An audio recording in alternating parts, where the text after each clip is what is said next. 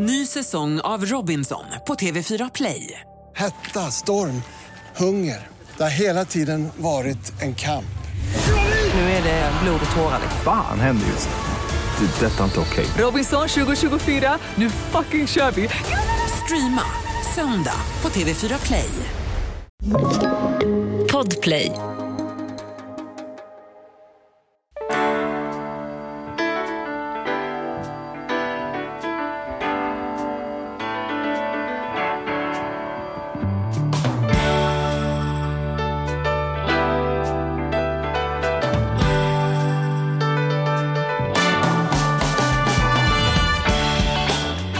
Och välkomna till veckans avsnitt av Ekonomi på riktigt med Charlie och Mattias. En podcast som vi gör varje vecka, Mm. sen skitlänge. Sen skitlänge, det var Ja. ett bra uttryck. Det gör vi faktiskt. Ja, och du, eh, idag har ju vi också gemensam sak i att vi cyklade hit båda två. Mm. Fy skitsingen vad kallt det var. Ja, det var brutalt kallt. Jag Ja. kommer ju från Södermalm. Vi sitter ju i, i Bauer Medias lokaler. Vid Mm, DN-skrapan. DN-skrapan. Ja, Mm. precis. Och när jag kom över Västerbron så trodde jag att jag... Ja, det här med långkalsonger har jag inte kommit på än riktigt.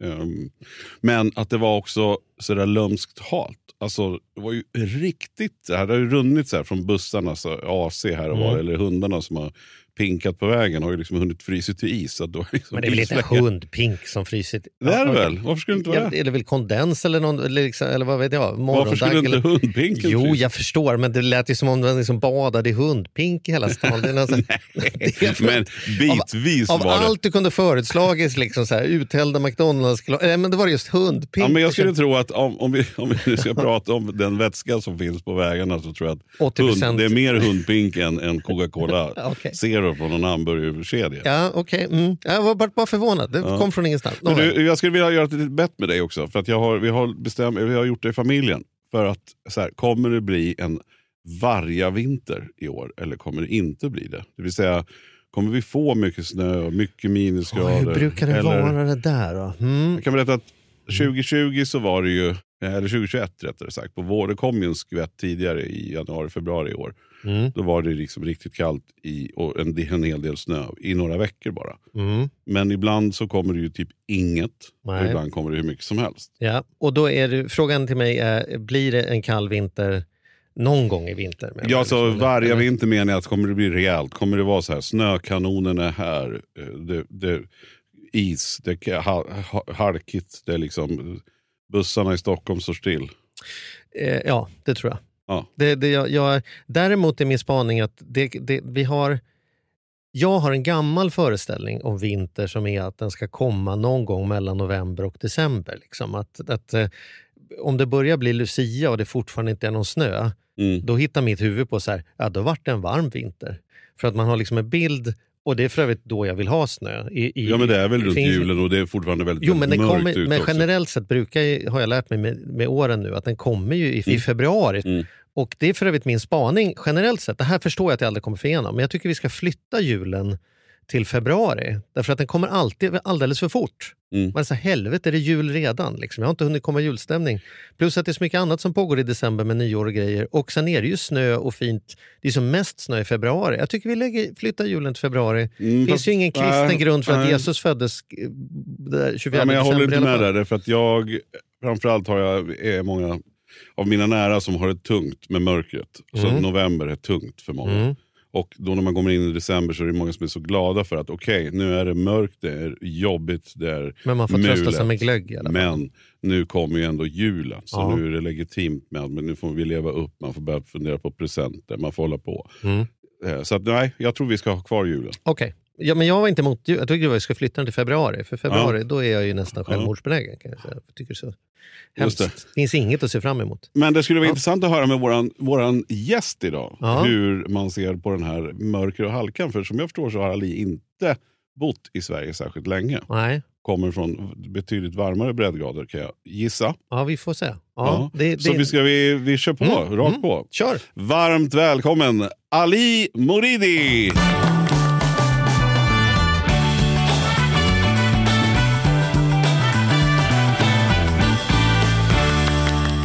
Tack så mycket. Sa jag rätt på efternamnet nu? Moradi var det. Uh, Moradi. nej, inte riktigt. Moradi heter jag. Ja, Moridi Moradi. Moradi, fan. Ja. Ja, sorry.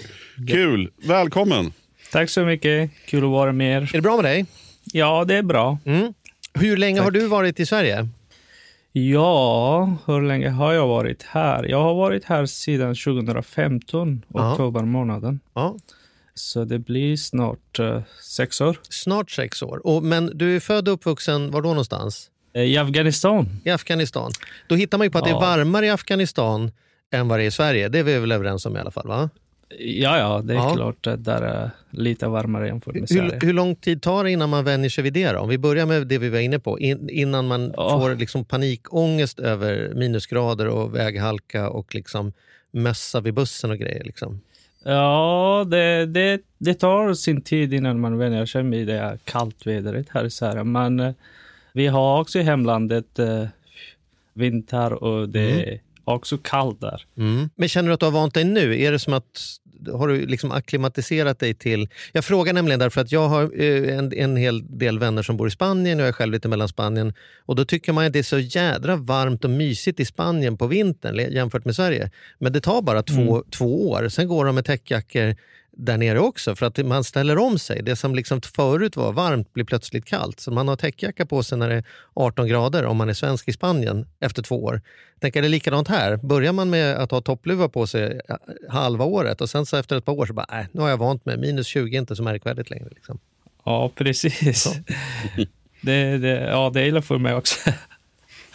Mm, det är bra. Ja, jag undrar om man någonsin vänjer sig om jag ska vara ärlig. Faktiskt. Det är- tycker det är, Ja, framförallt, framförallt den första kylan varje år, tycker jag. Eller alltså varje höst, ja, eh, när man går från sommaren. ja, ja. Ja, men det är inte väder vi ska snacka. Nej, Utan visst. nu ska vi prata om Alice resa som eh, ju har varit eh, helt fantastisk. Jag skulle vilja så här, det är väl lämpligt att ja, men vi kan börja före 2015. Jag tänker så här, vem är du Ali och, och, och hur kommer det sig att du kom till Sverige och sådär? Jo, det är en lång historia eftersom ni alla vet och alla vet idag också om Afghanistan, vad det som händer. Och eh, det var så från början också faktiskt när det utländska styrkor var i Afghanistan. Situationen var inte särskilt bra. Vissa levde i hot och eh, gömde sig från eh, den fiender som de hade. Och det är en privat sak, det vill jag inte ta upp här, men i alla fall jag, också ha, jag hade också fiender som tvingade mig att lämna landet och resa mig ur landet. Och det, det bestämde jag när jag kände mig hot, Mm. hotad eh, och eh, jag, jag såg att mitt liv var i fara. Då jag lämnade Afghanistan och reste hela vägen till Sverige. Hur gammal var du då, när, när du fattade det beslutet? Eh, då var jag faktiskt under 18 Ja. när jag åkte från hemlandet. Jag fyllde 15 och skulle fylla 16 när jag lämnade Afghanistan. Lämnade du själv eller fick du med dig, tog du med dig några från din familj eller så? Eh, nej, jag, jag lämnade inte själv utan eh, jag hade några från min familj men sen på vägen till eh, Europa förlorade jag familjen också. Sen blev jag ensam. Okej. Hur, det, alltså hur, går, hur går det till? Jag för, nu får du leva med att jag får ställa väldigt naiva frågor, men det, nu när jag får chansen att ställa dem så gör jag det, för jag vet ju inte det. Hur går det till rent praktiskt när man bestämmer sig för att fly? Alltså, vart går man? Går man till svenska ambassaden eller hur kommer man på att man ska till Sverige? Alltså, hur, hur såg själva processen ut? Jag vet ju inte ens hur man börjar. Liksom. Nej, det var inte bestämt att jag skulle till Sverige. Jag visste inte heller att det finns Sverige. Och eh, jag visste, eh, det enda som jag visste och det, det familjen som jag hade med mig, det var inte mina nära och kära, utan det var eh, kusiner som hjälpte mig lite. Och eh, då förlorade jag dem på vägen hit. Och jag visste inte heller att, att jag ska exakt till Sverige, utan jag ville bara fly från Mm. Afghanistan då för, för att mitt liv var i fara. Mm. Och då vill jag bara eh, komma fram någonstans att vara säkert och att mitt liv eh, ska inte vara i fara längre. Hur, hur, hur gick själva resan till? Då? Var det, kom du på något flyg eller hur, hur, hur, hur kom man iväg liksom? Jo, det, det, var, det var inte laglig väg som jag valde, utan jag försökte kontakta med smugglare som fanns på plats där. Och med hjälp av en, en, en, en del av väg åkte jag ensam. Då visste jag vad ska jag för, för eh, Jag visste att uh, gränsstäder uh, ligger i liksom vart gränsstäder ligger och vilken buss eller tåg ska man ta mm. och hur ska man ta sig. Det visste jag om. Att det här staden ligger vid, typ om man ger ett exempel vid Iran, då åker man den här staden och då åker man den här bussen. Då mm. åkte jag till grannstaden. Och därför, där på plats finns smugglare, då kan man kontakta dem.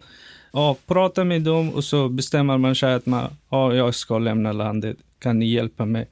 Då, då hjälper de dig och däremot vill du ha betalt för den. Mm. Vilket jag gjorde. Och, och jag tänker det kanske inte är så lätt om man är 15-16 år och har pengar. Jag antar att det inte ja, ja, ja. Det, är, det är klart pengar. att det är svårt att ha det eftersom det är farlig situation också. Det finns tjuvar och sånt också på väg. Men jag hade lite äldre kusin med mig. Han hjälpte mig och han var mycket äldre än mig. Mm. Så jag var med han. Okay. Mm. Och, och, hur, känner man inför, hur kände du inför det då? Därför att å ena sidan var det ju din din väg ut från en livshotande situation. Och Det kan ju ingen ha några åsikter om, upplever jag. Eller jag har i alla fall inga åsikter man flyr. Men när det kommer till de som smugglar och tar betalt för det, upplever du tacksamhet för att de fanns där eller känns det eh, besvärande att de skodde sig på din situation? Eller hur förhåller man det till det faktum att man betalar för att någon ska hjälpa en ur landet? Liksom? Nej, man, man, jag känner mig inte tacksam för det. för Eh, de gör en dålig jobb och de, eh, de också eh, kastar ditt liv på fara. De eh, vet inte riktigt hur det kommer att gå till. Du kanske kommer att dö på vägen och det finns risk att man förlorar sitt liv, sina grejer, värdesaker. Så det är ingen garanti. Mm. Och det är bara en chansning, man chansar. Mm. I en desperat situation. Precis. Uh och hur kommer det sig sen att du kände att du stannade i Sverige? Det är ju många länder du måste passera på vägen så att säga. Hur, hur, hur kom det sig att du liksom tog dig hela vägen hit? Ja, det var en lång resa. Det tog uh, lång tid för mig innan jag kom uh, fram till Sverige. Jag åkte genom många länder faktiskt. Uh, först i Asien, sen i Europa. När jag var i Tyskland, då var kaotiskt där också. Det kom många från Syrien kom många från Irak, Afghanistan och Afrika. Mm. Så att uh, jag visste inte att jag, jag är i Tyskland. Sen fick jag ett samtal med polis att nu, nu är vi i Tyskland. Vill ni stanna här eller vill ni gå vidare? De, eh, de berättade till oss att det finns mer länder i Europa om ni vill åka. Så med hjälp av dem åkte jag hit. Mhm. Mm. Mm. Mm. Och vad visste du om Sverige innan du kom in innanför svenska gränserna? Då? Liksom? Ja, inte mycket riktigt. Jag hörde bara att uh, om Sverige finns sen Norge och Finland och Danmark. Men jag visste ingenting var den ligger, hur det är. Mm. Det är kallt eller varmt och hur kulturen ser ut och sånt. Mm. Det hade jag ingen aning om. Men hur var det sen då? Du kom till Sverige i alla fall. Och eh, Vad hände då, då? När, du väl, när du väl kände att nu, nu har du liksom mm. kommit fram? Ja, när eh, klev jag ur tåget. Eller nej, jag åkte bort faktiskt från Tyskland. Mm. Så var polis på platsen, gränspolisen i Göteborg. Och då mötte de oss. Det var en mängd av flyktingar och invandrare som var från Irak och olika länder. Och sen uh, bad de oss samma sak som uh, polisen i Tyskland gjorde. De sa att vill ni, åka, vill ni stanna här eller vill ni åka vidare någon annanstans. Då jag var väldigt trött faktiskt, så orkade jag inte mer gå någonstans. Då stannade jag här. Mm. Så bad polisen ta mig någonstans. Mm. Och, uh, de bad, och sen tog uh, polis mig och några andra ungdomar som var med. Jag kände inte dem, men de var med. Till uh, Immigrationsverket, där började processen. Och hur såg den processen ut då? När man, när man är så här, ja, men nu, nu, nu vill jag ge det här en chans, jag tänker försöka stanna i Sverige. Vad är, det, vad är det man behöver göra? Det snackas ju så mycket om om det är lätt eller svårt eller välkomnande eller uteslutande. Eller, nu får vi chans att höra från någon som verkligen har varit med om den här processen. Hur upplevde du att bemötandet var i Sverige? Liksom? Ja, jag upplevde både bra och dåligt. Det var många. eh, Folk var blandat, även om man var mindreårig eller äldre. Så vi var på en transferbonde första kvällen. Och efter några dagar fick vi lämna fingeravtryck, eh, vilken ingår i, i asylprocessen. Mm. Och då var vi mitt i skogen, utanför samhället. Fick inte träffa många. Så det, det var mitt i vinter också faktiskt. Kallt och mörkt var i Sverige också. Gick inte särskilt bra första dagarna eller första månaderna. Blev lite deprimerad helt enkelt. Ja, det, det, förlåt att jag skrattar, men det är högst rimligt att man blir deprimerad med tanke på hur situationen ser ut. Liksom. Men, men vad, vad, vad var det som hände? Hur lång var processen innan du kände att nu är jag ändå liksom på insidan, nu är jag trygg, nu vet jag vad nästa steg är? När kände du att du kunde börja liksom stänga ner krisläget i kroppen på något sätt? Mhm. Det var så att efter några dagar fick jag åka igen till Migrationsverket i Göteborg. Och det var en eh, handläggare som jag inte kände. Jag kommer inte ihåg heller riktigt bra för det var länge sedan. Så jag gjorde en eh, enkel intervju med han och han ställde några frågor till mig och så svarade jag på dem. Och efter den sa han att eh, efter ungefär några månader kommer du göra en till intervju och eh, därefter får du ett beslut, vilket eh, det var inte riktigt stämmer det han sa. Han sa efter några månader kommer du få en till intervju, vilket jag inte gjorde, utan jag fick eh, en till intervju efter några år. Några år? Och, eh, ja, precis. Men, så, och hur funkar det då? Du, så du åker till Göteborg, du gör en intervju, så säger de hej hej, nu, nu kommer det här rulla på och vi återkommer och sen går det flera år. Vad gör man om, under de åren då? Man är inte liksom, man, man, är liksom i någon limbo däremellan riktigt. Jag fattar inte riktigt. Vad, vad gör du då? då? Jo, efter den, eh, jag väntade den, de månaderna han lovade mig att jag kommer få en till intervju. Det kom inte, sen dikta upp stressen, eh, sömnen blev försämrad, eh, tankarna var borta. Man visste inte riktigt vad man skulle göra, vad kommer att hända? Kommer jag få en till intervju eller inte? Det som han sa och lovade, det, det kom inte fram. så det var inte en eh, det var inte bra tid faktiskt, måste jag säga.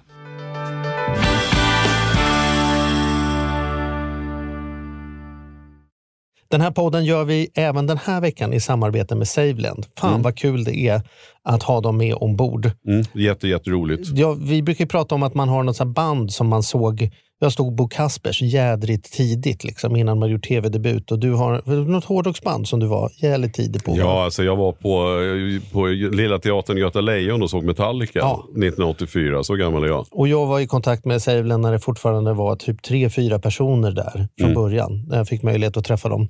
Eh, och nu är de ett stort bolag, fyller tio år, finns på börsen och jobbar helt enkelt med att vanliga privatpersoner och företag kan investera pengar eh, i eh, lån och krediter. Så man får riktigt bra ränta. Så eh, det rullar på efter tio år, bättre än någonsin. Fantastiskt kul att ha dem med här i podden. Gå in, testa, kolla. Vi har en kod som gör att om du öppnar ett konto och använder på riktigt får du dessutom en insättningsbonus just. Precis, och vill man veta mer så som sagt gå in på saveland.se. Men Man kan också lyssna på Ludvig som har varit gäst i vår podd två gånger. Får Ja. man en ännu bättre inblick i Ja. vad, vad det är de pysslar med egentligen. Men eh, ja, saveland.se och stort tack. Ny säsong av Robinson på TV4 Play. Hetta, storm, hunger. Det har hela tiden varit en kamp. Nu är det blod och tårar. liksom. Fan händer just nu. Det. är Detta är inte okej. Robinson 2024, nu fucking kör vi! Streama söndag på TV4 Play. Ett poddtips från Podplay. I fallen jag aldrig glömmer djupdyker Hasse Aro i arbetet bakom några av Sveriges mest uppseendeväckande brottsutredningar. Går vi in med hemlig telefonavlyssning och, och då upplever vi att vi får en total förändring av hans beteende. Vad är det som händer nu? Vem är det som läcker? Och så säger han att jag är kriminell, jag har varit kriminell i hela mitt liv men att mörda ett barn, där går min gräns. Nya säsongen av Fallen jag aldrig glömmer på Podplay.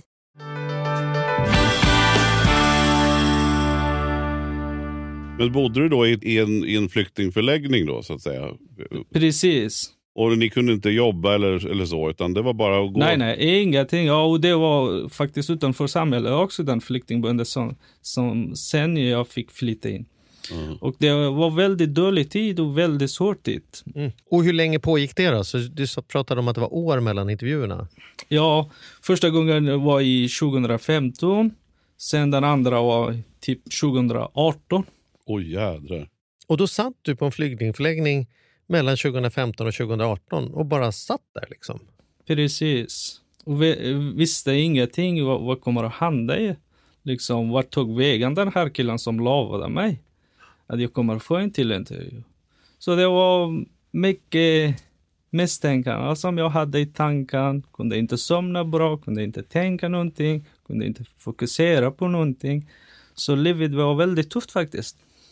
Och vad hände, och vad, och vad hände sen då? Hur, när, när, när vände det? Så att Ja, säga? sen fick jag en till intervju och eh, det var också konstigt att jag fick eh, göra en, eh, en eh, distansintervju, en videocall-intervju. Och eh, då var en eh, tjej som intervjuade mig den andra gången. Jag sökte asyl i Göteborg, sen fick göra mitt andra intervju i Gävleborg, tror jag om jag kommer ihåg rätt. Och eh, då kom de fram och gjorde en till intervju, ställde massa frågor, konstiga frågor och upprepade samma fråga. Va, vad frågar de? Vad är det för ett exempel på Ja, frågor? det, det, det- det är en del privata frågor och eh, en del eh, allmän frågor ställer de. Det vill jag inte stå för nu, för eh, det kanske känner mig inte riktigt bekvämt att säga dem. Men eh, ja, de ställde massa frågor, sen bad mig om dokument och sånt om jag hade med mig. Och sen gjorde jag den intervjun och då fick jag inte svaret på plats utan de sa du får vänta. Och eh, då fick jag vänta lite till faktiskt innan jag fick det första avslaget. Efter eh, ungefär fyra och ett halvt år. Det är otroligt. Så efter fyra och ett halvt år så får du ett avslag. De säger så här, tack men nej tack, du kan inte stanna i Sverige. Är, är, är det så man ska uppfatta det då? Ja, precis. Och vad, tänker, vad tänkte du då? då? Ja, då blir mitt liv helt förstört en gång till. Efter fyra och ett halvt år eh, väntetid i Sverige fick jag veta att nu får jag inte stanna här, så vad ska jag göra efter det här? Ska jag lämna landet? Kan inte åka tillbaka till eh, hemlandet? Ska jag åka till något annat land? Och eh, ja, det var massa tankar som jag hade. Ja, jag var helt förstörd. Ja, jag förstår Mm, det. jag Men, men, mig. men fick du veta då sen att, att eh, när, när skulle liksom utvisningen ske då? Eller, eller fick, du, fick du någon chans att säga att om du gör så här och så här så, så kan det bli bättre? Eller, eller fick du bara veta att det kommer ett datum snart när du ska få åka Nej, tillbaka? nej, jag fick ingen chans att- att jag, om jag ska göra den här och den här så kommer jag få. Utan de har skrivit på beslutet ja, du, du, får, du har rätt att klaga en gång till. Och eh, annars får du komma ner till oss och skriva på papper att du vill återvända. Okej. Och hur gjorde du då? Så, så då? så då överklagade du en gång till då? Ja, jag överklagade. Och sen eh, för överklagan också får man vänta i minst ett, ett, ett år till två år för att få ett svar. Och vissa har chans, de får eh, gå till uh, tingsrätten och ha en uh, möte face to face, men vissa får inte den chansen utan uh, de, uh, tingsrätten uh, tittar på dina papper efter ett, två år och säger ja, det som Migrationsverket har bedömt så bedömer vi också samma sak. Du har inte rätt att stanna här så får du åka. Mm. Och emellan det första och andra avslaget så det upp en ny lag i Sverige. Mm. Det som heter gymnasielagen. Aha. Eh, Och, och de har, de har i regeringskansliet efter många tjafs och, och efter många har uh, visat eh, uppmärksamhet av att de här människorna som kom 2015 har väntat länge på att få ett svar. Så bestämde de att ge ut en ny lag för att få en, de som sköter sig och går i skolan, lär sig språket, få en chans att stanna här. Mm. Vilket jag hade tur att den lagen kom precis i den tiden som jag fick avslag. Annars hade jag fått utvisning eh, från Sverige. Mm. Så då fick du chansen eh, när lagen kom då. Och var det då att du fick, skulle få börja jobba då eller, eller plugga eller så? Eller? Nej, det var bara att eh, man ska först plugga klart eh, på gymnasienivå Mm. och sen eh, får man ha på sig sex månader efter gymnasiet att hitta ett fast tjänst för att kunna stanna här. Just det. Och hur gick det för dig då? Alltså, vad, vad, vad gjorde du då? Ja, när, det, när det lagen kommer så jag, jag gick andra året på gymnasiet.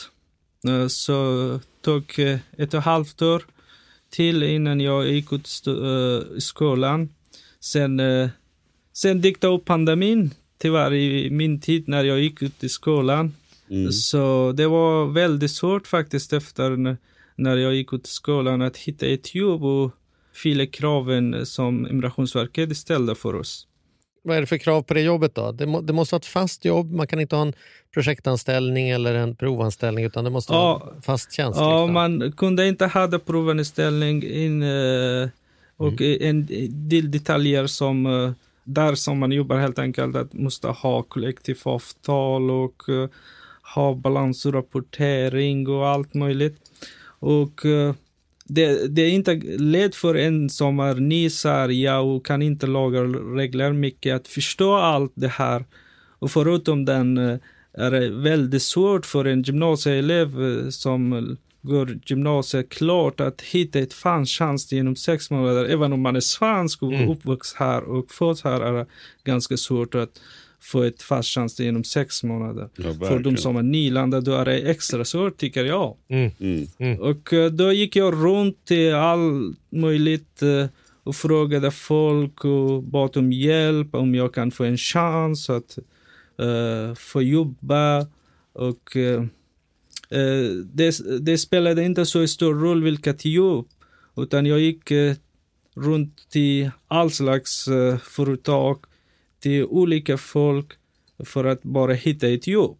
Mm. Och hur gick det då? Hittade du något jobb? Nej, inte det, direkt efter skolan. Eh, månaderna gick så tiden för att eh, mitt upp, tillfälliga uppehållstillstånd rinner ut närmade sig. Så jag fick eh, igen stress och eh, ja, mådde dåligt. Tänkte bara att hur jag ska hitta ett fast jobb genom så kort tid. Mm. Så då var en dag jag i he- hemma så kollade jag lite på sociala medier så dök det upp en annons.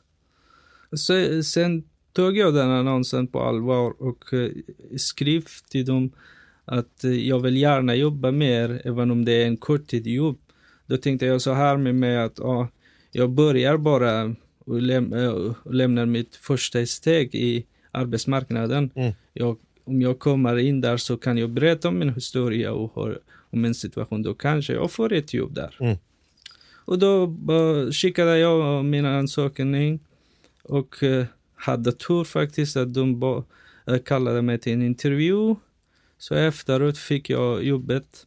Jag fick inte fast chans direkt utan jag började som, ja, som timanställning där. Jag gick på timmar.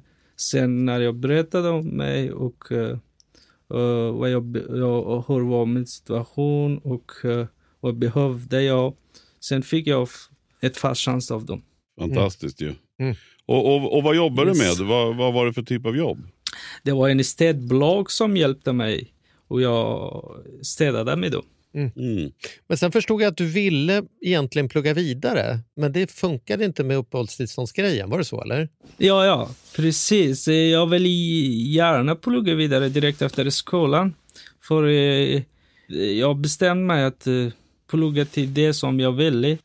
Men det funkade inte som du sa eh, riktigt bra eftersom jag behövde jobba. Annars hade jag inte möjlighet att stanna här. Mm. Då jag hoppade av studierna Mm. och började jobba. Så att du skulle få ditt permanenta uppehållstillstånd? Då? Ja, precis. Och det fick du sen när du hade fått eh, jobbet och jobbat på lite grann och så? Ja, det fick jag efteråt när jag jobbade där och fått fast chans. Då skickade jag iväg min ansökning till Migrationsverket och efter ett tag. Och då, och då fick du veta att du skulle få stanna. Ja, då fick jag veta att jag, nu har jag fått eh, ett beslut att jag får stanna i Sverige. Hur kändes det? Ja, det känns eh, riktigt bra. Då blev jag lite lugn eh, och lite koncentrerad och kunde planera mina dagar och eh, lite planering inför framtiden också. Mm. Mm. Och hur länge jobbar du kvar då? För jag har förstått att nu är du inte kvar, du jobbar inte längre som städare, men hur länge, hur länge jobbade du där? Eh, ungefär eh, ett och ett halvt år. Mm. Och efter det så bestämde du dig för, eller du, du hade hela tiden en plan på att du skulle vilja plugga vidare så att säga. Precis, jag hade tankarna i, ba- i baktankarna. Och när jag sökte eller skickade iväg min ansökning till Migrationsverket, då tänkte jag att när jag får så ska jag plugga vidare. För jag, jag var bestämd eh, medan jag gick i skolan att jag måste plugga vidare. Mm. För Sverige är ett sånt land att ju mer man pluggar, desto har man mer chans att komma in till arbetsmarknaden. Mm. Och det är en eh, sånt eh, civiliserat samhälle som alla liksom är högt och välutbildat. Och, och vad sökte du då? För då, liksom, vad är det du vill bli? Eller vad är det du kommer att bli kanske man ska säga? Ja, jag, jag, jag gick eh, inte praktisk eh, linje i skolan utan jag läste mest teoriskt eh, linje. Och då ville jag plugga till någon slags ingenjör i framtiden. Då sökte jag faktiskt till eh, olika universitet runt omkring Sverige så fick jag komma in eh, på en ingenjörsprogram i en Oh, av wow. universitet. Mm. Yes. Wow, vad häftigt. Och det är därför du, för du, Japp. du, du sitter ju här nu i Mediepodden, men du sitter ju i en studio i Karlstad.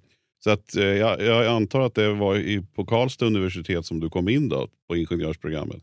Ja, ja det, det fick jag komma in här och eh, även i ett antal andra, andra universitet också faktiskt. Åh, vad roligt. Så det var min resa och det gick så här för mig. Mm. Och hur går det nu i skolan då? Hänger du med? Är, det- är det svårt? Jag menar, du, du pratar ju jättebra svenska, men, men det måste ju ändå vara svårare, tänker jag, när man inte har haft svenska som modersmål ändå. Ja, det är klart att eh, det är lite svårt när man, eh, när man är ny och eh, har inte svenska som första språk eller modersmål. Eh, men det funkar. eh, Jag, jag klarar mig och eh, är i den nivå som alla andra är. Så att eh, även att det, det är inte lätt att man kommer klara universitet så lätt. Men eh, det måste man lägga ner tid för och bara kämpa. När, när, eh, och vad kommer du jobba med? För, för jag menar, nu, nu vet du att du har kommit in i plugget och du, jobbar, du ska bli ingenjör. Vad är, vad, är dröm, vad är drömjobbet då så småningom? Jag kommer att specialisera mig i data.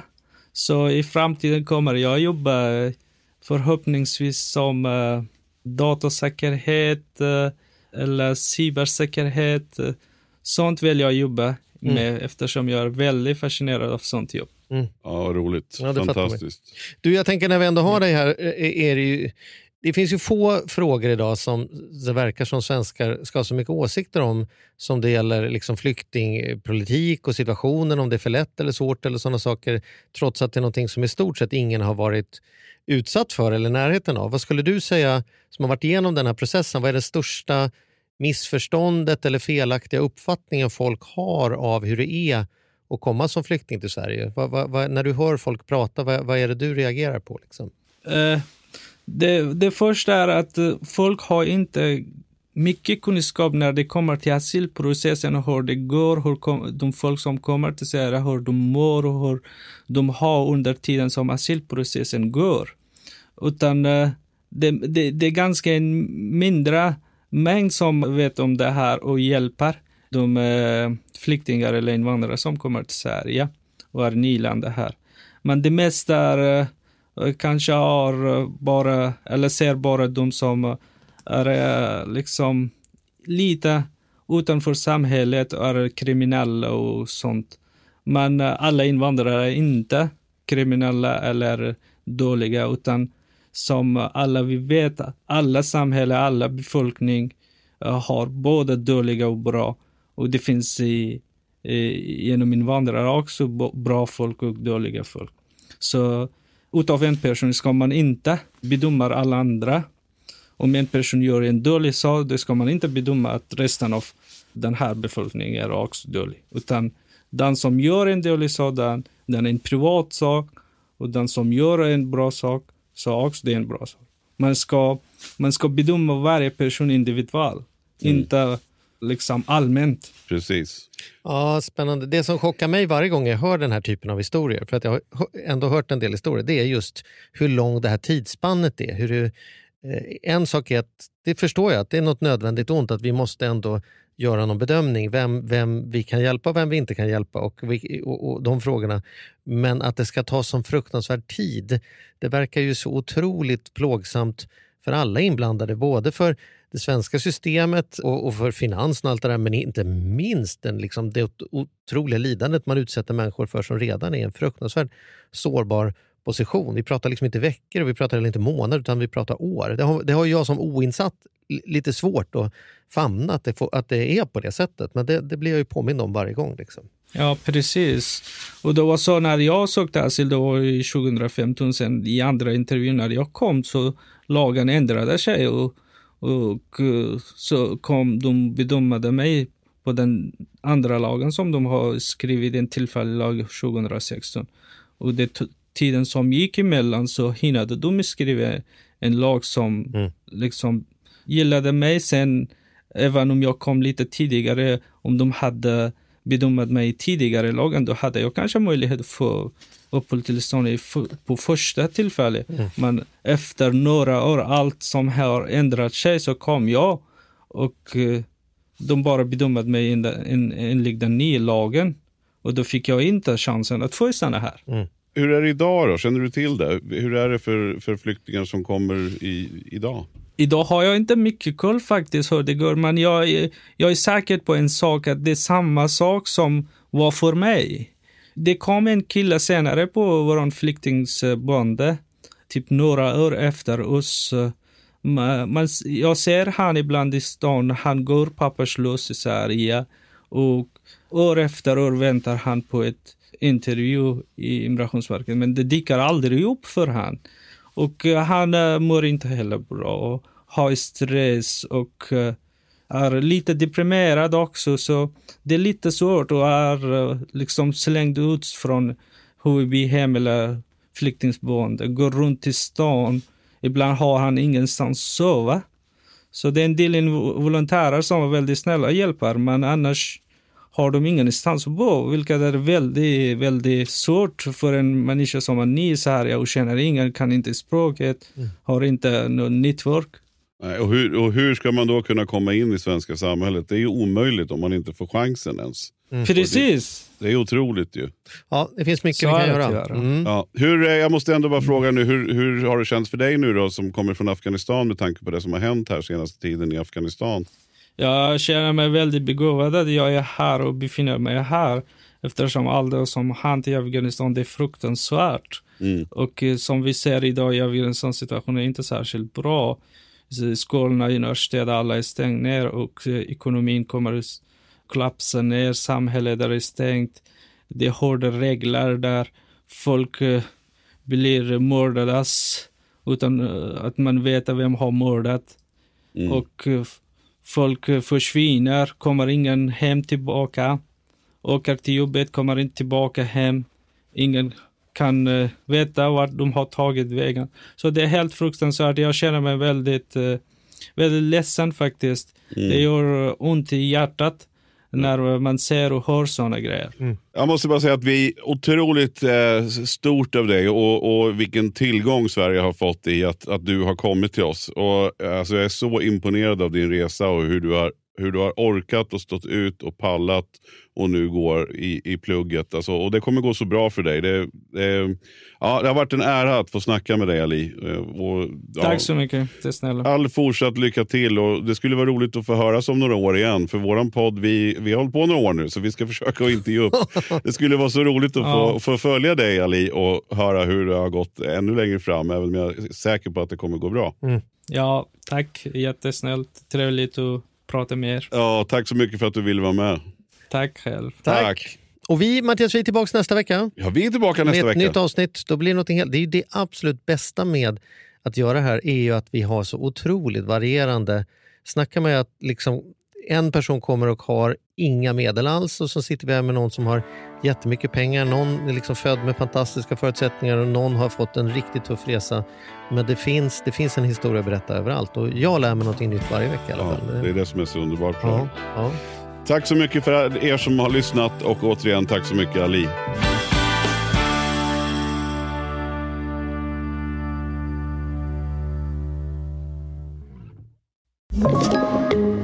Podplay.